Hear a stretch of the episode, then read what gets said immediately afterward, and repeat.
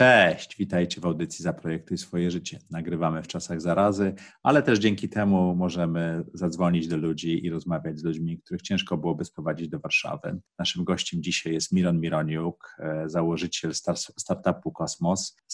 Siedzi w tej chwili w Singapurze, normalnie siedzi w Szanghaju, bardzo rzadko bywa w Polsce, więc zaproszenie go do studia byłoby ekwilibrystyką logistyczną. Miron, który w Forbesie w Azji był w 30 gniewnych poniżej 30. E, założył startup, którego wycena w tej chwili to jest 100 milionów dolarów po ostatniej rundzie, który rozwija się w Azji Południowo-Wschodniej i w Chinach. Ma, jak się okazuje, ponad, jest na ponad miliardzie telefonów, czyli widzi ponad miliard klientów, więc to, jest, to są w ogóle niesamowite cyfry. I opowiada o tym, jak on doszedł do tego, żeby coś takiego zrobić. Mówi też o tym, jak bardzo ważne było szczęście w jego przypadku, że pierwszy startup, który robił, mu wyszedł i zadziałał tak świetnie, ale również pomysł i opowiada o całej swojej drodze. Bardzo serdecznie Was zapraszam.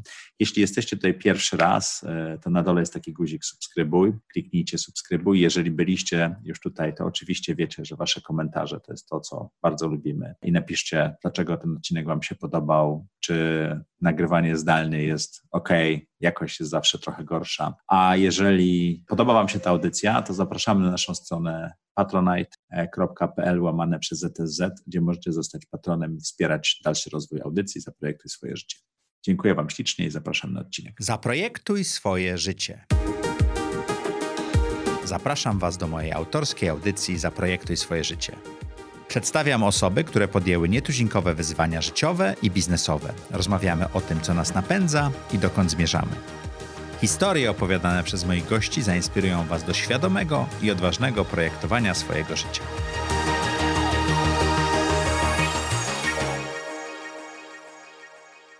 Cześć, witajcie w kolejnym odcinku audycji Zaprojektuj swoje życie. W czasach zarazy nagrywamy zdalnie, e, a dzisiejszym gościem jest Miron Mironiuk. Mironie, witamy Cię bardzo cześć, serdecznie. Cześć, Macie, Powiedz nam, wszystkim. gdzie jesteś, bo nie mogliśmy się w Warszawie w studio spotkać. E, jestem w Singapurze. Przeprowadziłem się kilka miesięcy temu z Szanghaju do Singapuru. Okej, okay. w Warszawie 9 rano, w Singapurze 15, także jesteśmy wszyscy w dobrych strefach czasowych, nie tak jak ze Stefanem e, Batorem, gdzie nagrywałem to w środku nocy e, u nas i robiłeś coraz ciemniej w domu, także spokojnie. Miron Mironiuk jest founderem startupu Kosmos. E, I jak pisze Forbes Asia, e, jest e, jednym z 30 poniżej 30 przedsiębiorców w Azji, tak? Tak Dzięki. przynajmniej Forbes pisze. A ty jak się tak, czujesz? Tak. Więc czuję, że mam, że mam więcej szczęścia niż rozumu i to tak z każdym rokiem myślę tak coraz bardziej. I, i muszę, muszę przyznać, że to wyróżnienie w Forbesa w Azji było, było dla mnie wiesz, dużym wydarzeniem. E, I, I trochę było, że jak rozmawiamy o projektowaniu swojego życia i planie, to to był jeden z moich z moich, z moich milestones, ale muszę przyznać jednym z niewielu, który Chciałeś się być wydał, który... Chciałem, chciałem, tak. I chciałem, chciałem akurat być w Pretty Under 30 w Azji, bo wiedziałem, że to jest, że to jest big deal dla generalnie z branży startupowej i wiedziałem, że to, tak spodziewałem się, że to pomoże w zbieraniu zbieraniu kasy, nie miało to żadnego wpływu na to. Jak rozmawiałem z, z inwestorami. Raczej podłechtało są... twoje ego bardziej niż e, tak, biznesowo pomogło, tak? Tak, tak, tak tak, tak. Czy pamiętasz, kiedy pierwszy raz się spotkaliśmy? Pamiętam, pamiętam że to było około 4 lat temu i byliśmy na, w jednym z totalnych dołów, kiedy nie mieliśmy, kiedy nie mieliśmy kasy i kiedy miałem właściwie tydzień, żeby zebrać wtedy bodajże 250 tysięcy dolarów, mhm. inaczej musielibyśmy zamykać interes. I, i, i byłeś jedny, jesteś, pozostałeś jednym z naszych pierwszych inwestorów i bardzo dziękuję, bo, bo ratowałeś mi wtedy tyłek. Tak, siedzieliśmy w Złotych Tarasach bodajże przy fontannie. Tak. I, tak, i muszę tak. wam powiedzieć, dla mnie jako inwestora to przy przyszedł taki młody chłopak, 20 parę lat, z plecaczkiem i on tu mówi, że będzie zmieniał świat, ale w ogóle zapomnijcie o Europie, Azja tylko i tak dalej. Ale e, to, co zrobiłeś niesamowite, to miałeś bardzo dobre intro, tak? Bo przedstawiał cię Adam Niewiński, wspólnik Marcina Hejki w tej chwili w OTB Ventures i takie miałeś wejście hop siup. I też była taka sytuacja, że jeden z dużych inwestorów ci się wykręcił w ostatniej chwili praktycznie, tak? Zdecydował, że nie będzie fundował. I, i, I samego, rzeczywiście... tak po, tak po pierwsze samego Adama poznałem chyba dwa dni wcześniej. Też przez też przez, przez, e, przez Szymona, przez Szymona Gutkowskiego. Szymon, Szymon był gościem który, audycji. Tak, tak. Więc Szymon, Szymon był moim pierwszym był moim pierwszym szefem, mam nadzieję, że ostatnim. I jest, jest, moim, jest moim, moim mentorem trochę, wiesz, to się nazywa Father Figure. No i Szymon, i mieliśmy moment, kiedy Szymon, Paweł, Marcin, czyli trzech współzałożycieli DDB byli pierwszymi inwestorami w, w kosmos i, i naprawdę inwestowali w pustą kartkę papieru. Po, znaczy ty po, wszedłeś, narysowałeś, powiedziałeś, że coś zrobisz i będzie niesamowite. Ja pracowałem, ja trafiłem, trafiłem do DDB. DDB dla naszych słuchaczy jest jedną z największych agencji reklamowych w Polsce i jest częścią grupy Omnicom, czyli chyba globalnie największej grupy reklamowej na świecie. Ja trafiłem do DDB przez zupełny przypadek. E, moim, kiedy miałem 18-19 lat i moim planem, projektem na życie wtedy było, była praca w NGOs i myślałem, że w, w liceum byłem totalną aktywist, aktywistą i, i, myślałem, że tak spędzę swoje życie i to mi, to mi sprawiało dużo przyjemności i dawało mi dużo satysfakcji. I poznałem najpierw Martę Samsonow, która pracowała z Szymonem i która zmusiła go, żeby się ze mną spotkał, pamiętam w Ile miałeś lat wtedy? Ja było 18,5, 19, okay. coś takiego. Wtedy połówki były ważne, prawda? Tak, tak. I, I, spotkałem się z Szymonem, bo pracowałem nad, nad projektem społecznym. Przeprowadziłem się, jestem z Wrocławia, przeprowadziłem się do Warszawy e, po to, żeby ruszyć z fundacją. To było związane z, z ochroną zdrowia i miałem pomysł na kampanię reklamową, który uważałem, że jest beznadziejny, ale że wiedziałem, że DDB jest jedną z, z najlepszych agencji reklamowych w Polsce i spotkałem się z Szymonem, czyli z, z, e, jednym z współzałożycieli DDB, żeby zrealizował kampanię, tego, kampanię reklamową tego projektu społecznego. I Szymon, I Szymon, to dzisiaj w sumie nie wiem, jaki miał wtedy intencje, ale, ale powiedział, że, e, że to jest super pomysł, że oni to chętnie zrealizują i kilka godzin później odezwał się z pytaniem, czy nie chciałbym przyjść do nich na staż na trzy miesiące. I to nie było twoją intencją mówiąc, w ogóle, tak? W ogóle, w ogóle. Ale Szymon miał bardzo dobry argument, powiedział, wiesz, z projektami społecznymi, czyli projektami za darmo jest tak, że zawsze spychamy je na bok. Jak będziesz na miejscu, e, to przypilnuję, że się tym rzeczywiście zajmiemy, przy okazji się możesz czegoś nauczyć. I ja trafiłem, i trafiłem do trafiłem do DDB i totalnie, totalnie popłynąłem. Zafascynował mnie cały świat marketingu, reklamy, tego jak można wpływać na kształtować opinie. I jeszcze przez pierwsze, przez pierwsze kilka miesięcy cały czas pracowaliśmy nad tym moim, nad moim projektem społecznym i nawet w którymś momencie wiedziałem, że to, że muszę zdecydować, że, że albo... Zostajesz skuszony przez świat reklamy, tak? Tak, że albo, albo odejdę z DDB i w pełni się poświęcę temu projektowi społecznemu, albo zostanę w DDB i kiedyś do tego, kiedyś do tego wrócę i, i zdecydowałem się, żeby, żeby zostać z kilku powodów. Po pierwsze miałem niesamowite szczęście do, do, swoich, do swoich szefów, do Szymona, e, Pawła Kastrego i Marcina Mroszczaka i, i Marty Samsonow, która na początku puszowała mnie w samym DDB, żebym został. I zrozumiałem, że po pierwsze mogę się bardzo dużo, ja nie, jak zacząłem pracę w DDB, od razu rzuciłem studia prawa, bo wiedziałem, że to mnie zupełnie nie interesuje. I w ten pierwszy dzień w DDB nauczyłem się więcej niż przez kilka miesięcy studiując, studiując prawo. I wiedziałem, że, że, że jeżeli kiedyś i, i, cały czas chcę wrócić na stronę, na stronę NGOs i myślę, że Kosmos, Kosmos jest, jest pierwszą, ostatnią firmą komercyjną, nad którą pracuję. Kolejna, myślę, będzie to non-profit. Ale zrozumiałem, że po pierwsze muszę się czegoś nauczyć, bardzo wiele. Po drugie, że tak na, najważniejsze w, w działalności społecznej jest to, żeby mieć pieniądze. I łatwiej to robić, jak się ma swoje pieniądze również, prawda? Dokładnie, mhm. dokładnie. Inaczej, jak rozmawiam z najlepszymi fundacjami na świecie, no to większość swojego czasu spędzają na fundraisingu. I posiadanie tego komfortu, że to są twoje, twoje własne pieniądze, myślę, że jest, że bardzo pomaga, bo możesz pełną energię poświęcić na to, żeby, żeby zrobić coś dobrego i, i, to też, i to też jest mój plan w którymś momencie. A co dała ci ta praca? Bo długo byłeś w DDB, to było kilka lat. To prawda? było prawie, Prawie 5 lat, tak. No. Z 3 miesięcy to zrobiło się 5 lat. Wiesz, I to była twoja jedyna praca? Tak, tak. Wiesz co, po pierwsze sprowadziło mnie to na ziemię, e, bo trafiłem, ja nie, nie miałem w ogóle żadnych, trafiłem krótko po, krótko po liceum, nie miałem żadnych starszych znajomych, nie znałem w ogóle całego tego świata w Warszawie, tych korporacji, zupełnie nie wiedziałem, jak się zachować. E, I byłem też przedmiotem wielu żartów, bo no, nie wiedziałem, jak się zachować do tego stopnia, że jak trafiłem, jak nie załóżmy dołączyłem poniedziałek i szef IT kazał mi czekać przy biurku, aż przyniesie mi komputer. I pamiętam, że miałem taką obsesję, żeby się czegoś nauczyć, że że stałem przy maszynie do Xera i prawdziwa historia, pytałem ludzi, czy im nie pomóc przy tej maszynie do Xera. E, już Marta, Marta Samsonow, która mnie tam zatrudniała na ten staż, wiesz, porozmawiała ze mną, żeby się opanował, bo, bo robisz się idiotę. Postraszysz ludzi, um, tak? I, bo straszę ludzi i byłem, zupełnie, po pierwsze, nauczyło mnie, czym w ogóle jest ten świat korporacyjny, jak, mhm. jakie reguły tam panują. E, po drugie, po drugie, nauczyłem się bardzo dużo um, o strategii dzięki, dzięki Szymonowi. Mhm. E, nauczyłem, się, nau, nauczyłem się bardzo dużo o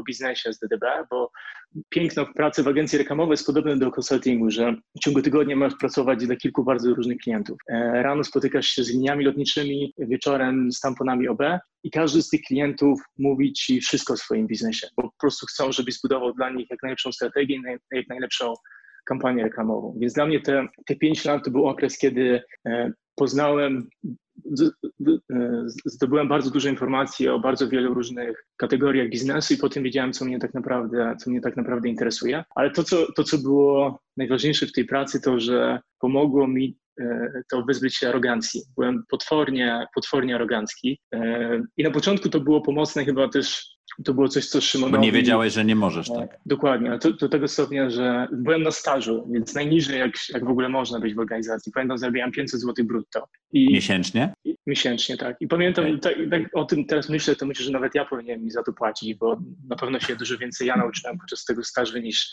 niż im dałem. I więc, więc ten gówniarz 19 lat potrafił się kłócić z szefową strategii całego, całego DDB przy założycielach DDB. I, i, jak gdyby, i byłem święcie przekonany, że mam rację. Ale nie, poka nie pokazali ci drzwi? Wiesz co, moja pierwsza szefowa chciała pokazać mi drzwi i więc wtedy Szymon zdecydował, żebym przez żebym został, e, że nie mogę pracować w dziale strategii, bo szefowa strategii mnie nie znosi i żebym, i zostałem takim konsultantem zarządu przez kilka miesięcy. Więc pracowałem wtedy dla nich zbierałem różne informacje i w którymś momencie zdecydowali się, żeby, żeby przywrócić mnie do całej agencji, ale, ale dołączyłem do działu e, kreacji. E, I byłem takim digital strategiem w dziale kreacji, co było genialnym pomysłem. Wtedy nie do końca rozumiałem dlaczego, e, i, ale teraz myślę, że to był genialny pomysł, bo wiesz, główną pracą szefa kreacji jest zarządzanie trudnymi ludźmi.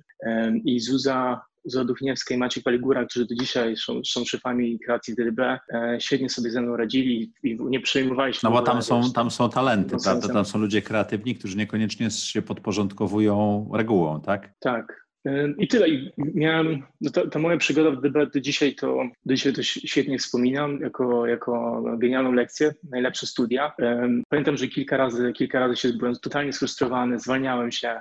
Też zarządzałem, bardzo szybko zacząłem zarządzać zespołem i zupełnie nie wiedziałem, jak to robić. Ciągle chciałem, chciałem nad wszystkim panować. Byłem totalnym perfekcjonistą, co mój zespół doprowadzało do totalnego, do totalnego szału. Mnie też frustrowało, bo to po prostu było niemożliwe w którymś momencie, więc, co, więc chyba łącznie cztery razy się zwalniałem.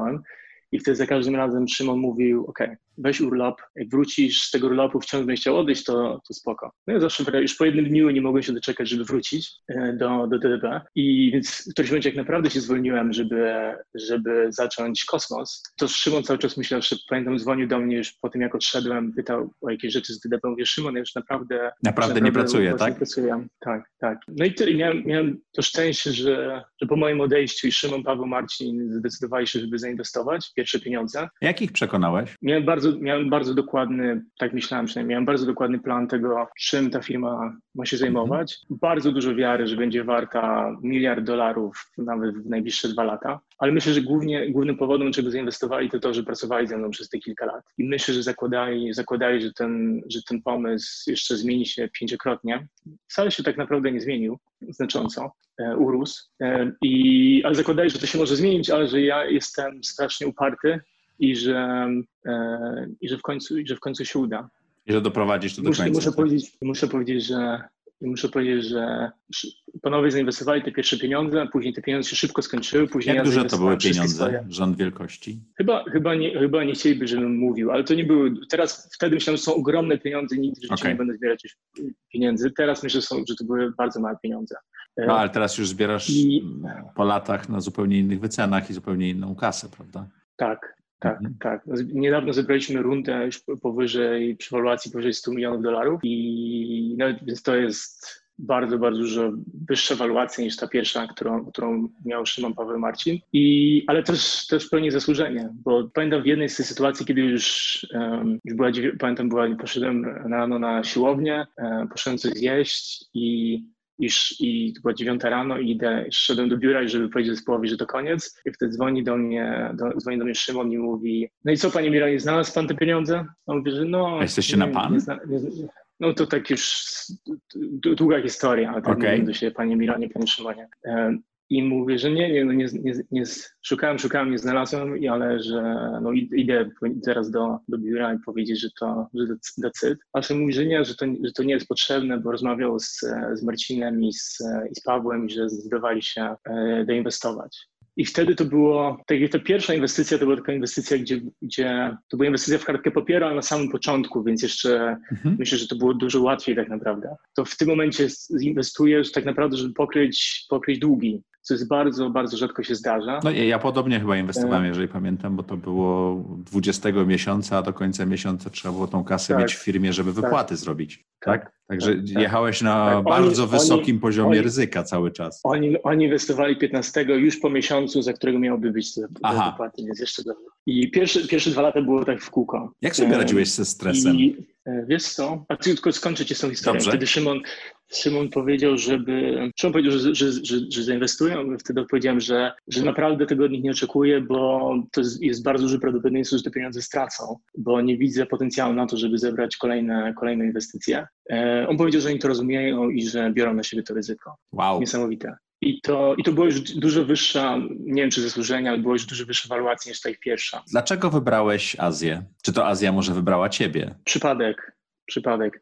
Pamiętam, że. Bo pomysł był na robienie tego w Polsce, prawda, i w Europie. Nie, w Polsce, w Polsce nigdy nie myśleliśmy o tym, żeby ten produkt okay. był obecny w Polsce. Um, zaraz wytłumaczę dlaczego. I dla mnie ambicjonalnie jedyny, jedyny rynek, jaki miał znaczenie, to Stany Zjednoczone. Okay. I to od małego, jak chyba większość ludzi w Polsce, Ameryka, Ameryka, Ameryka tylko, to miało, tylko to miało znaczenie. I, ale wiedziałem, jak, jak startowałem z kosmos, to wiedziałem, że, że to jest za duży rynek. W Stanach mieszka 300 milionów ludzi, żeby od, niego, żeby od niego zaczynać. Też bardzo wymagający, więc też klienci nie będą chcieli od razu rzucić się na produkt e, Polaka, który nawet nie skończył studiów. I po, po drugie, po trzecie, e, wtedy było około 5 lat temu, tylko 40% ludzi w Stanach miało smartfony, a cała nasza technologia na tych smartfonach e, bazuje. Więc to było oczywiste, że to się zmieni i w którymś momencie wszyscy będą mieli te smartfony, ale wiedziałem, że będziemy spędzać większość czasu tłumacząc klientom, że ok, to tylko 40%, ale w którymś momencie to wzrośnie i tak dalej, i tak dalej. Zastanawiałem się, który kraj, jeżeli nie Stany Zjednoczone e, i porównałem wtedy kilka różnych rynków, jak Australia, Hongkong, e, Wielka Brytania, Singapur i zwracałem uwagę na penetrację smartfonów, jaki procent populacji e, już ma smartfony, wtedy 5 lat temu. E, po drugie, jak duża jest populacja i tutaj preferencją były, były mniejsze rynki. Jako, trzecie, jako, jako rynki testowe, tak? Tak, tak, tak, mhm. tak. I trzeci, i trzeci, trzeci wskaźnik, na ile mocny jest E, retail i, i reklama. No i wtedy i Hongkong i Singapur wyglądało wtedy, wyglądało wtedy podobnie. Um, oba miały około 95% penetracji smartfonów już wtedy, najwyższy wskaźnik na świecie. Um, I Singapur tam ma około 5,5 miliona mieszkańców, Hongkong około 7. Wybrałem na końcu Hongkong dlatego, że w Singapurze już byłem, w Hongkongu jeszcze nie, więc stwierdziłem, że to będzie Czyli ciekawsze. decyzja była zupełnie e, przypadkowa. Tak? turystyczna, tak. tak. I wtedy też, też, też brałem pod uwagę to, że jeden z naszych klientów, L'Oreal, też też, dla niego ten Hongkong był ważny, ale tak zupełnie szczerze, to, to chyba głównie byłem po prostu ciekawy bardziej Hongkongu. Mhm. I, ale myślałem, że to będzie pół roku. Polecę tam na pół roku zupełnie nieracjonalnie. Myślałem, że, że polecę tam na pół roku, w pół roku już tam wszystko ogarnę, e, znajdziemy pierwszych klientów, wytestujemy i wtedy od razu się przeprowadzam do Stanów i tam... E, Czyli spakowałeś się w plecak na krótki wyjazd, tak? Tak, tak, tak, tak. Miałem taki pomarańczowy plecak, do dzisiaj mam. Pamiętam go. Jak spotkaliśmy. Tak, tak, tak. tak. I no jak tylko przeniosłem się do Hongkongu, to okazało się, że to, że wiesz, nie ma więcej Silicon Valley, tylko Shenzhen Valley i że powinniśmy myśleć o Chinach, a nie, a nie o Stanach Zjednoczonych. Czyli e, bycie na miejscu spowodowało, że e, twój model e, rozwoju biznesu i w ogóle bardzo się zmienił, tak. bo informacje, które zdobyłeś, tak? I kontakty. Tak, tak. I to, to wiesz, i chyba do dzisiaj trochę tak jest, że, że w Polsce myślimy dużo bardziej na wiesz, w kierunku Stanów, mhm. na zachód, nie myślimy w ogóle o wschodzie. To się z, zmienia się chyba teraz, w tym roku. Ale bardzo powoli. Tak, tak. I no i, i, później, później po Hongkongu, e, no i Hongkong jest w ogóle też genialnym miejscem do, do życia, do tworzenia takiego globalnego międzynarodowego e, biznesu, są też bardzo niskie podatki, co pomaga zatrudnianiu i no, w którymś momencie wiedziałem, że, że, że ten Hongkong to już jest za mało, bo naszym e, głównym rynkiem powinny być Chiny kontynentalne. I wbrew temu, co się wydaje, e, Hongkong a Chiny to zupełnie inna, zupełnie inna historia. To inne nawet, kraje, tak? Inna, inny sposób robienia biznesu. Tak, nie powiem, że inne, nie powiem, że, nie, powiem, nie powiem, że inne kraje, bo ktoś przetłumaczy tego do chińskiej ambasady. Inne terytoria. Inna I, kultura, o, to chciałem tak, powiedzieć. Tak, tak, tak. I nawet inny język. W Hongkongu jest kantoński, w, w, w Szanghaju, w Chinach kontynentalnych jest mandaryński ogólnie. Hmm. I więc przeprowadziłem się do Szanghaju i Szanghaj, Szanghaj jest ge, też genialnym miejscem. E, chyba na końcu bardziej podoba, podoba mi się niż, niż Hongkong, bo jest um, takim normalnym, normalnym miastem. E, skala Szanghaj ma 25 milionów mieszkańców. Dla przypomnienia Polska ma 38. E, I to jest normalne miasto w Chinach, tak? I to jest normalne, to jest normalne miasto w Chinach. Takich miast jest jeszcze kilka. I, ale świetnie się tam żyje. W ogóle nie ma, nie ma poczucia korków, dlatego że Chińczycy wiedzą, jak kontrolować e, ruch. Bardzo dużo się nauczyłem tego, jak e, tego, jak logistycznie ogarniać tak dużą, tak dużą skalę. I, i, I, dzisiaj nasze największe biura to biuro w Warszawie i biuro w Szanghaju. Na początku roku przeprowadziłem się do Singapuru, żeby, żeby wylączować kosmos już w, w tym regionie Southeast Asia ale też nie mogę się doczekać, żeby polecieć z powrotem do Szanghaju. Tam się dobrze żyło. Słuchaj, chciałbym się cofnąć troszeczkę, bo mówimy kosmos, mówimy kosmos, mówimy detal. Jak, co to jest za pomysł i jak na niego wpadłeś? Bo ty jesteś w biznesie ciasteczkowym, prawda? Biznes to... Trudno, znaczy, znaczy jak, jak mi go sprzedawałeś, przepraszam, to ja może opowiem tą sytuację sprzed czterech lat już chyba, tak? Jak mi go sprzedawałeś, to to był biznes ciasteczkowy i ty wirtualne ciasteczka przenosiłeś do rzeczywistości, tak? I takie były zresztą, takie zresztą były te pierwsze, wiesz, impresje na stronie i tak dalej. E, nazwałeś to Omi... Tak, nazwałeś to Omniki. Skąd pomysł, żeby przenieść cookies do realu i, i, czy dalej jesteś w tym samym biznesie, bo być może już to się zmieniło, tak? Tak, mogę, jesteśmy w tym samym, tylko ten biznes trochę wypączkował. Mhm. To wróćmy do pomysłu, bo to też jest bardzo jasne, ciekawe jasne, dla więc, słuchaczy więc, audycji. Więc, tak, więc jak, pracowałem w agencji, ten pomysł powstał, kiedy byłem, kiedy pracowałem w agencji e, reklamowej i to i, i, każda osoba, która pracuje w tym świecie, dla niej to jest oczywiste. Nie wymyśliłem nic, co by było jakimś przejawem geniuszu, broń Boże. I problem, problem polega na tym, że do dzisiaj tylko 14% sprzedaży w retailu odbywa się w, w online. Pomimo, że cały czas mówimy o Allegro, Amazonie, Alibaba i tak dalej, globalnie przed pandemią to było tylko 14%. Cały offline to jest 86%. Więc jak myślisz o tym, że cały rynek retailu to 23 biliony dolarów, a z tego aż 86% dzieje się, dzieje się offline. I te sklepy fizyczne nie mają takich samych możliwości reklamowych jak sklepy internetowe. Co to znaczy? Jak, jeżeli jesteś sklepem internetowym, wiesz dokładnie, ile osób odwiedziło Twoją stronę. Jeżeli ktoś odwiedził Twoją stronę, ale wyszedł przed zakupem, możesz wrócić do tej osoby z reklamą. Jeżeli ta osoba wróci na Twoją stronę, możesz to łatwo zmierzyć. Stąd ciasteczka, cookies, które to, to, to śledzą tak, na osobę. Tym, tak? Na tym, tak, tak, tak. I ciasteczka wymyślił, e, niestety nie opatentował dla siebie niestety, e, Mark Andreessen, ale nigdy tego, nie opatentował. Byłby dzisiaj pewnie jednym z najbogatszych ludzi na świecie. E, pomysł, pomysł był taki, że przenieść tę filozofię do offline. Czyli załóżmy odwiedzasz sklep, odwiedzasz sklep z zegarkami, spędziłeś tam jakiś czas, wyszedłeś kilka dni później na Instagramie, zobaczysz, zobaczysz reklamę, jak klikniesz tę reklamę i wrócisz do sklepu, to ten sklep z zegarkami wie, która reklama działa, a która nie. Więc jak wszyscy pogodzimy się z tym, że, że reklamy muszą istnieć, bo dzięki temu możemy za darmo czytać newsy na Onecie czy na wirtualnej Polsce. I że sklepy nas śledzą i pokazują to, co oglądaliśmy. Tak, to dzięki, dzięki temu też ja jako konsument, jak już mam widzieć jakąś reklamę, to wolę, żeby ta reklama była dopasowana, a nie żeby to mhm. było coś zupełnie, zupełnie random. I myślę, że ludzie też są z tym powiem Ci, że Google, Google wie wszystko o tym, o, czego szukałeś online, to jakoś Cię to za bardzo nie będzie szokowało. I myślę, że w którymś momencie, jak, tak, że podobnie będzie z, z tym zachowaniem w offline.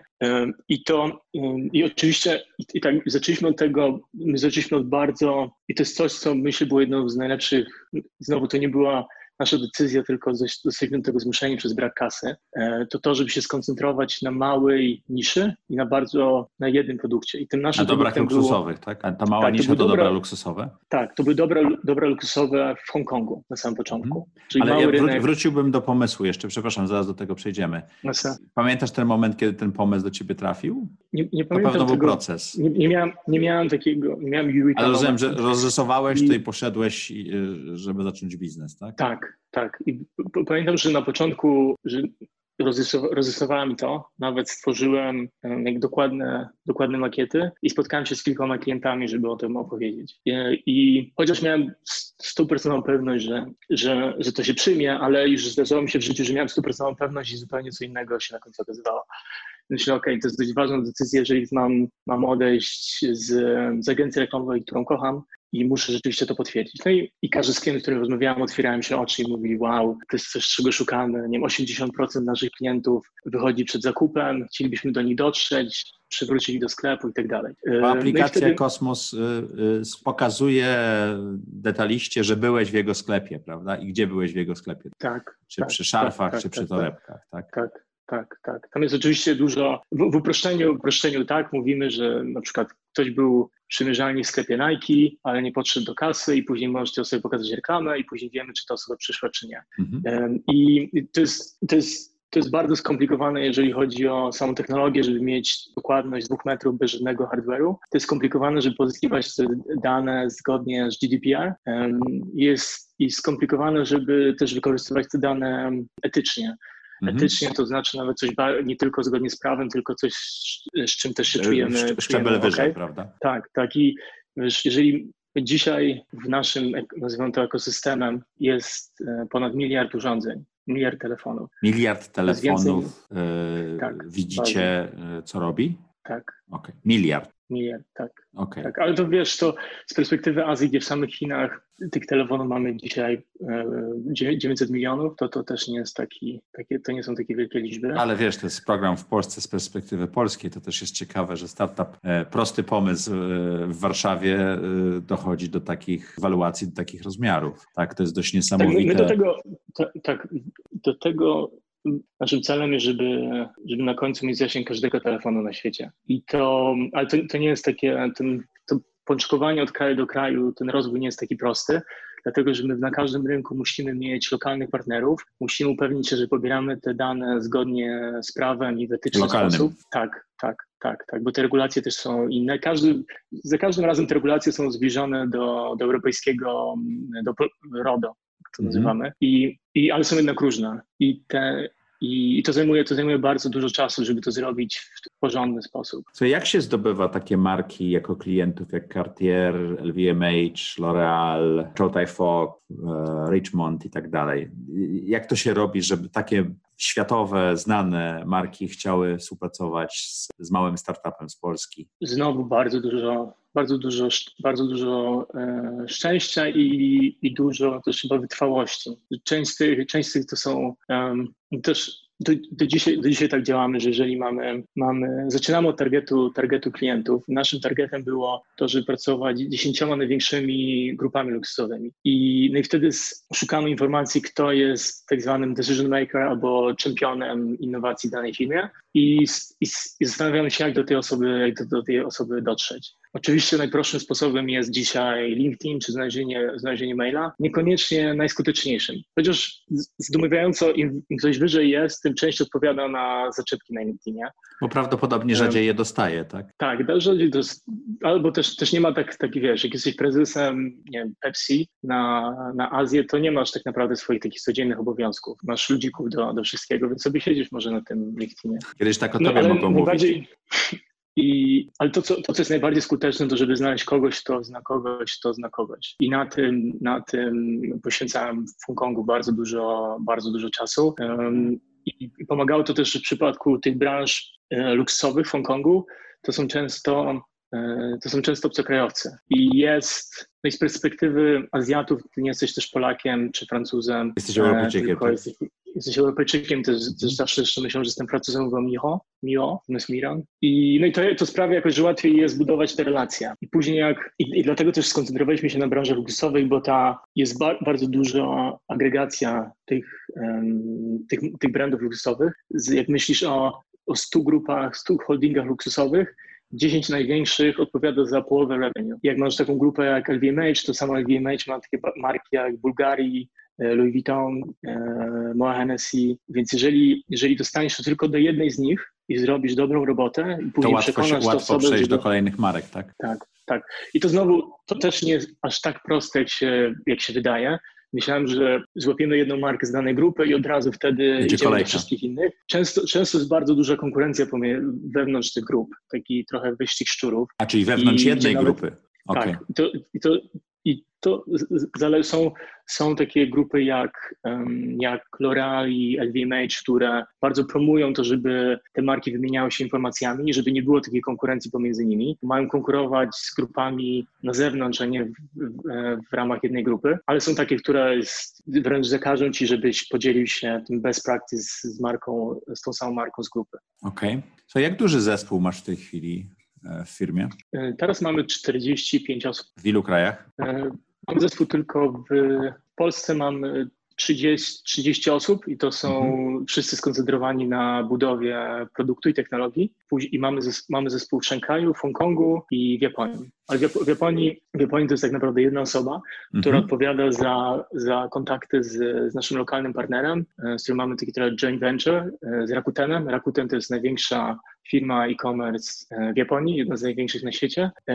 I to jest też nasz idealny model współpracy, który chcemy replikować na innych rynkach, kiedy my skupiamy się na technologii i na relacjach z tym jednym partnerem, a to ten partner reprezentuje nas na danym rynku i sprzedaje produkt. Bo ma lokalne relacje i, i, zna te wszystkie ścieżki i nie trzeba ich na nowo przecierać, tak? Tak, w, przypad w przypadku Rakutena, Rakuten zasięg 80% wszystkich smartfonów w Japonii, więc problem mhm. tego, jak pozyskać, jak pozyskać dane legalnie odpada.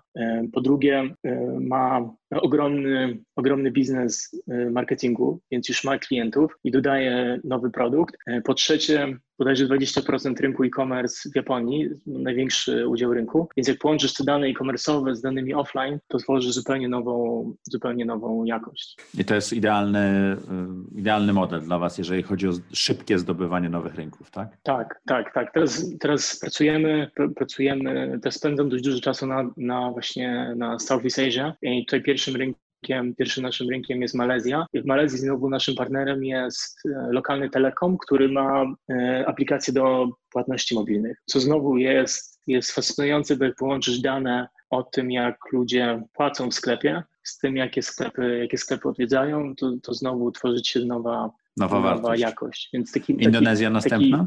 Taki, taki, tak, tak, tak, tak. Indonezja, Indonezja jest jednym z największych krajów na, na świecie mhm. i, i jest dużo większa niż, niż Malezja. I mam nadzieję właśnie, że kolejnym rynkiem będzie, będzie Indonezja.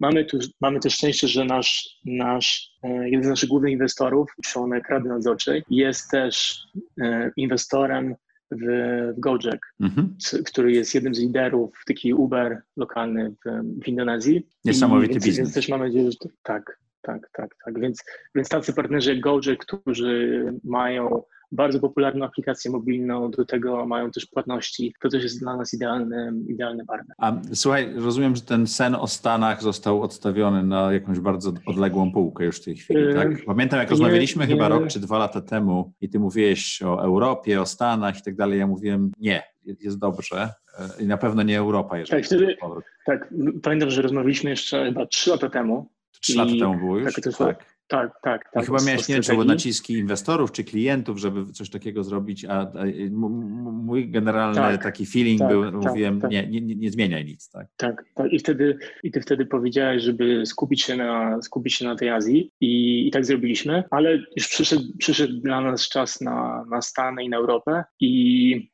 Mieliśmy na początku pandemii koronawirusa launchować bardzo duży projekt z ogromną firmą w Stanach. Jako inwestor widziałeś w podsumowaniach pewnie, ale nie, e, nie mogę o tym mówić niestety. I, ale to, to, to dla nas na pewno byłby bardzo przełomowy, przełomowy moment. I mieliśmy już w zeszłym roku testy, wszystko, wszystko potwierdzone i no, ale wszystko musieliśmy przełożyć najpierw ze względu na, na pandemię. Nawet nie mógł, nasz zespół inżynierów nie mógł tam polecieć, więc zdecydowaliśmy, żeby, na, żeby ten projekt na razie zamrozić.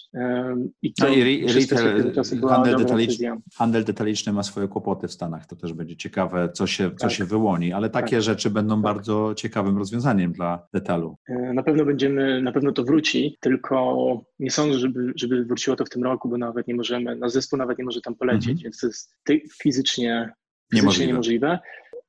I mm, tak samo mieliśmy launchować teraz w Europie w jednym z, z jednym z, z, największych telekomów e, w Europie, ale to też jest na razie położone na czeka w szufladzie. I wygląda na to, że my mieliśmy to, mamy to szczęście, że jesteśmy mocni w Chinach. Chiny wróciły mniej więcej do normalności. E, no i dzisiaj, dzisiaj to z perspektywy czasu to wygląda jak szczęście, ale pamiętam na początku lutego, kiedy, kiedy ta pandemia wydawała się, że jest tylko w Chinach, e, no wtedy mieliśmy, kiedy jeszcze firmy w Europie normalnie działały, my już musieliśmy, mieliśmy zamknięte biuro i zupełnie nie widzieliśmy, co się będzie działo. No to było przerażające. Tak, i to było, to było tak pomijając biznes, który wiadomo e, e, był bardzo dotknięty, bo ca, cała, cały kosmos jest o offline, tak emocjonalnie z perspektywy zespołu, który to było to też dla oglądających e, w Chinach, pierwszy, pierwszy dzień lutego w Chinach to był chiński Nowy Rok, czyli takie główne, takie nasze święta Bożego Narodzenia, więc większość, większość naszego zespołu z Szanghaju pojechało do domów. Do I nie mogła rodzin, wrócić. Do mniejszych, do mniejszych miast. No i nagle, i nagle okazuje się, że jest, że jest pandemia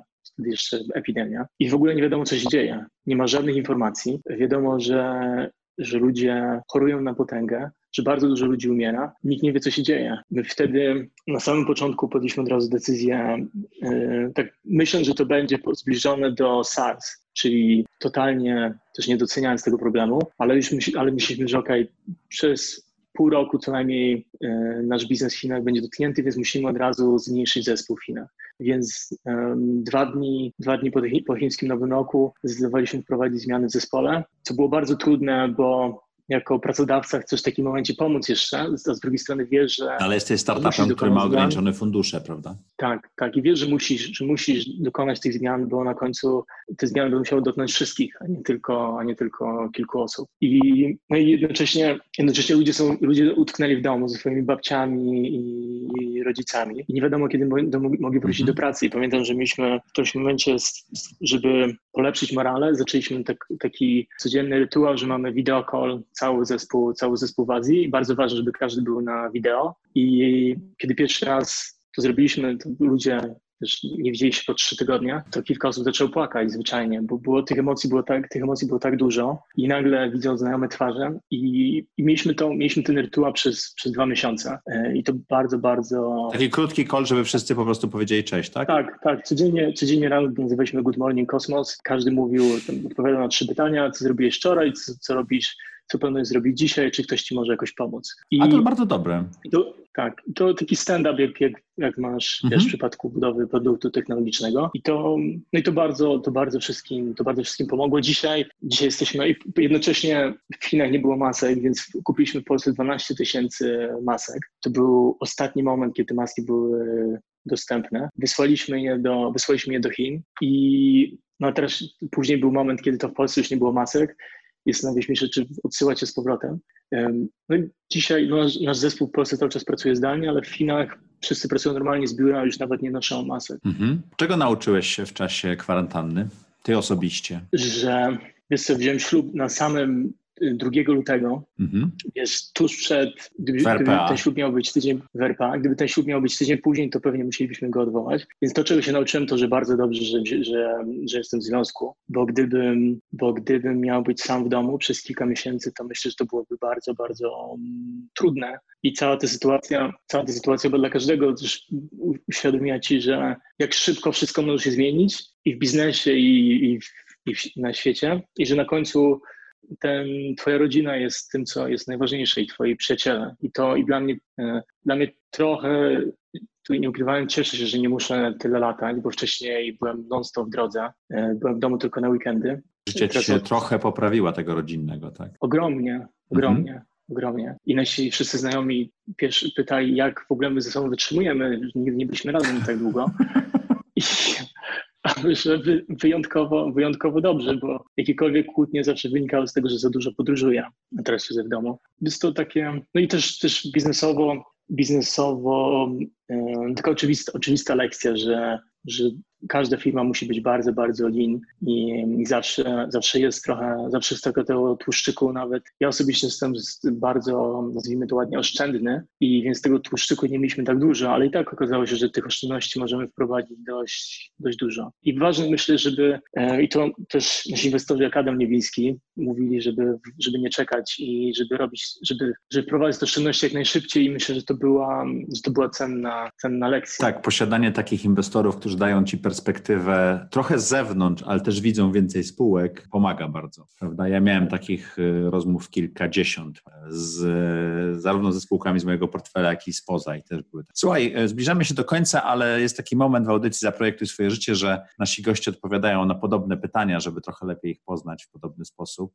I właśnie nadchodzi ten moment. Czy możesz opisać najlepszą decyzję, jaką podjąłeś do tej pory w życiu? To będzie osobista decyzja. Mhm. Dwa lata temu moja mama zachorowała na raka i wtedy, jak wtedy pamiętam, zastanawiałem się co, no pierwsze co zrobiłem, poleciałem do, poleciałem do domu do Wrocławia i wtedy pamiętam, zastanawiałem się w którymś momencie co zrobić, czy, czy zostać, czy wracać do Hongkongu, do Szanghaju wtedy. No i zdecydowałem, no bo na końcu jestem, na końcu jestem szefem firmy i nie mogę po prostu być, tak myślałem, że nie mogę być po prostu w domu w Wrocławiu. No ale zdecydowałem się na końcu, żeby, żeby zostać, stwierdzając, że kosmos no, zawsze nie odjedzie. I pamiętam, zostałem wtedy w domu przez, przez trzy miesiące i, no i po tych trzech miesiącach moja mama zmarła. Ale do dzisiaj, jeżeli myślę o najlepszej decyzji, o tym, z czego jestem dumny, to że to ten moment, że zdecydowałem, żeby, żeby wybrać e, rodzinę, żeby wybrać mamę, a nie wracać do, Firma sobie do poradziła. biznesu. Wow, bardzo dziękuję, że się tym podzieliłeś. Mocne. Co daje ci praca na swoim? Bo powiedziałeś, że masz nadzieję, że to był, że Szymon był twoim ostatnim szefem, także co daje ci praca na swoim? Nie,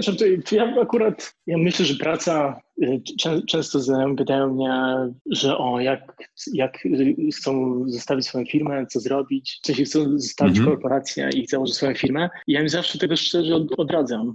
To, Bo to jest trudniejsze. To jest, to jest, dużo trudniejsze. Trzeba się naprawdę wszystkim e, zajmować, łącznie z tym, czy jest papier toaletowy w biurze. E, I to, to, to w ogóle nie wygląda, i to każdy twój gość pewnie tak mówi, że to w ogóle nie wygląda tak, jak się wydaje. Mhm. E, więc jeżeli, myślę, że tylko jeżeli masz taki wewnętrzny przymus, że musisz założyć coś swojego, to wtedy to zrób. A w każdym przeciwnym wypadku to docenię pracę, pracę w korporacji. Korporacje dzisiaj dbają coraz lepiej o pracowników. Tych benefitów jest mnóstwo. Komfort pracy jest też ogromny. A startup jest naprawdę jak, jak jesteś ciągle na wojnie. To się u nas, u nas też się to polepszyło, ale te pierwsze dwa lata to był to No to był mówiłeś, że byłeś na siłowni, zastanawiałeś się, czy pójść po siłowni zamknąć firmę, tak? Nie, nie miałem się co zastanawiać. Czy zamyka, szedłeś zamknąć firmę, tak? Tak, tak, tak. tak. I to, to i to działo takie sytuacje, żebyśmy no totalnie na dnie, to miał chyba razy cztery, miało miejsce cztery razy w ciągu tych pierwszych dwóch lat. Teraz jesteśmy w zupełnie innej sytuacji, mamy, mamy, mamy dobrą sytuację finansową i nie musimy się martwić o takie, o to, czy nam wystarczy kasa na wynagrodzenia, ale to myślę, że to, to było naprawdę więcej szczęścia, że do tego momentu dotarliśmy. Rozpięty przez 8 czy 9 stref czasowych, jak wygląda Twój typowy dzień? Staram się iść wcześniej spać po pierwsze, po to, żeby mm -hmm. wcześniej wstać. Nie jestem, byłem kiedyś tym typem, który spał 4 godziny dziennie i byłem z tego bardzo dumny i myślałem, że coś dłużej niż 4 godziny to jest leniem. Aż przeczytałem książkę o śnie i o tym, jaka jest wartość snu. Why We Sleep. I dowiedziałem się, że dokładnie, jedna z najlepszych książek, jaką przeczytałem. I od tego czasu śpię 7,5 godziny dziennie. Jak powiedziałem o tym mojemu ojcu, stwierdził, że jestem strasznym leniem. I, Już jest i, po polsku, wiesz, możesz mówić. Tak, żeby, żeby spać te 7,5 godziny, to trzeba po prostu, żeby stać wcześniej i spać 7,5 godziny, trzeba wcześniej pójść spać. Wstaję możliwe, możliwie jak najwcześniej i idę na siłownię i później zaczynam pracę. I pracuję, pracuję długo, bardzo długo, jeżeli chodzi A o... na siłowni jesteś codziennie? Tak, Tak, mhm. staram się być. To też, też jeden z tych um, przyzwyczajenia, że kiedy jak nie idę, po prostu źle się czuję, nie mogę się obudzić, nawet jak wypiję kawę, to, to źle się czuję. Zresztą spotkaliśmy się kiedyś na siłowni chyba. Tak, też. Pamiętam. No, to też jest już od starożytnej Grecji o tym wiadomo, że trzeba, żeby był zdrowy umysł, musi być zdrowe ciało. I myślę, że to jest prawda. Mhm. Też wiesz, jak się trochę zmęczysz, to cały ten stres i ja też się bardzo nakręcam totalnie. I po prostu Czyli to wychodzi z ciebie go. na siłowni, tak? Tak, tak, tak. Jestem bardzo długo to jest ile godzin? 10, 12 godzin pracujesz? 8? Jest to zależy, ale, ale z reguły tak do, dziś, do 22 aż nie pójdę spać. Wow, czyli tak naprawdę cały czas, jak jesteś od wyjścia z siłowni, z jakimiś przerwami na posiłki, jesteś w pracy, tak? Tak, ale, ale staram się nie pracować w weekend. Robię to, pracuję od poniedziałku do piątku do, do 20, do 22. Mhm. Też nie zawsze. To też nie, staram się i też pracuję, staram się pracować i spędzać więcej, więcej czasu na to, żeby pracować efektywniej mhm. i żeby nie pracować na koniec weekendy, bo bardzo dużo mi to daje. Kiedyś pracowałem non-stop, ale zauważyłem, ale jak jesteś w związku, to jest niemożliwe, jeżeli nie chcesz się rozwieść, żeby pracować w weekendy. I zauważyłem, że to że takie zupełne od, odcięcie od pracy w weekend sprawia, że jesteś dużo lepszy później od poniedziałku do piątku. Tak, bo mózg ma czas od, odpocząć, tak, i myślenie.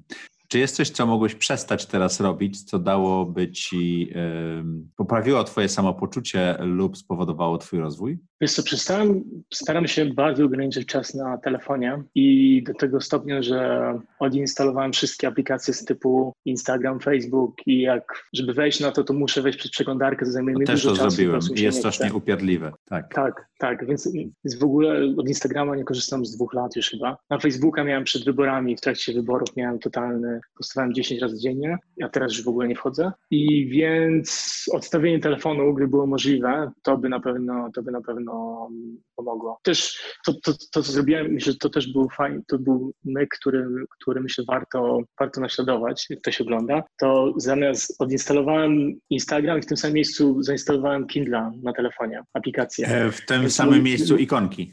Tak, a, tak, to jest tak, dobry tak. trik. Moja, moja głowa myśli, że no bo czasami czekasz, wiesz, z, z, głównie czekałem, korzystałem z Instagramu, jak na coś czekałem, albo wiesz, chciałeś zabić, nie chciałeś czegoś bardzo zrobić, więc wtedy wiesz, chcesz się pobawić telefonem, więc wtedy czytam coś na Instagramie, więc to, sorry, na Kindle. E, myślę, wiesz, myślę, że to jest ciągle ten Instagram. A to tak e, jakby wziąć Atomic Habits, czy coś takiego, to jest taki trik, że właśnie podstawiasz na ten sam stymulant, podstawiasz inną odpowiedź, a u ciebie to jest e, trochę lepsza. Mironie, jaką masz supermoc? Upór, wytrwałość. Wow, to Jestem taka... strasznie, strasznie uparty. Trzy rzeczy, które chciałbyś robić za trzy lata to? Zadzwonić dzwoneczkiem IPO na Nasdaq. O, czemu Nasdaq, a nie, nie. Szanghaj? Myślałem, że zapytasz, czemu nie warszawska giełda. Nie wiesz co? Nie, no taki jednak wciąż jestem tym, wiesz, synem hydraulika z Wrocławia, który marzy o tym, żeby mieć, odnieść sukces w Stanach, więc, więc chciałbym, żeby to było to, to jedna. pewnie.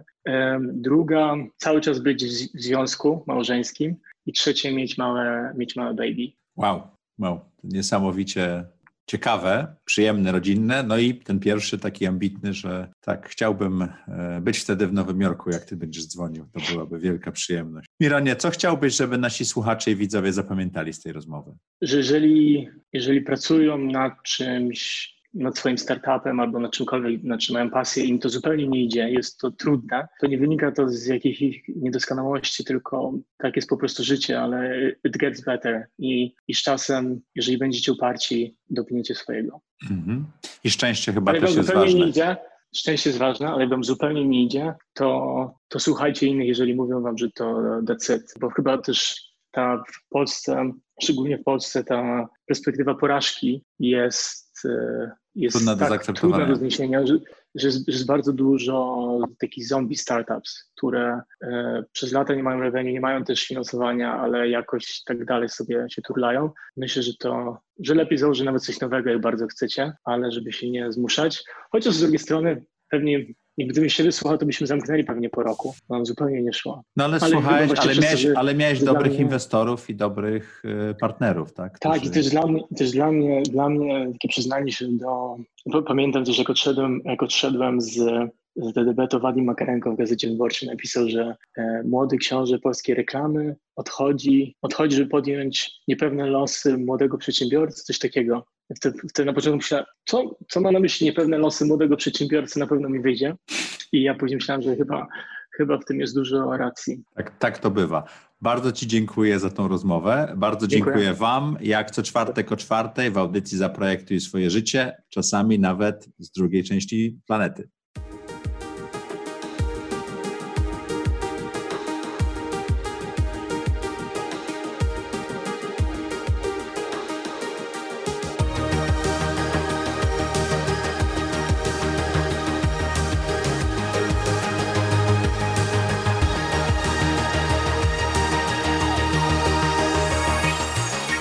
Zaprojektuj swoje życie.